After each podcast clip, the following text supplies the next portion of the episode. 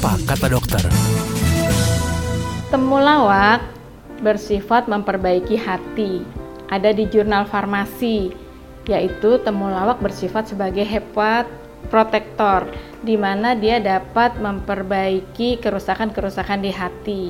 Terutama khasiat temulawak dapat membantu untuk nafsu makan sejak dari zaman dahulu dipakai untuk cekokan pada bayi di mana sebetulnya temulawak bersifat meningkatkan aktivitas cairan lambung sehingga meningkatkan metabolisme dan mengurangi kontraksi daripada usus.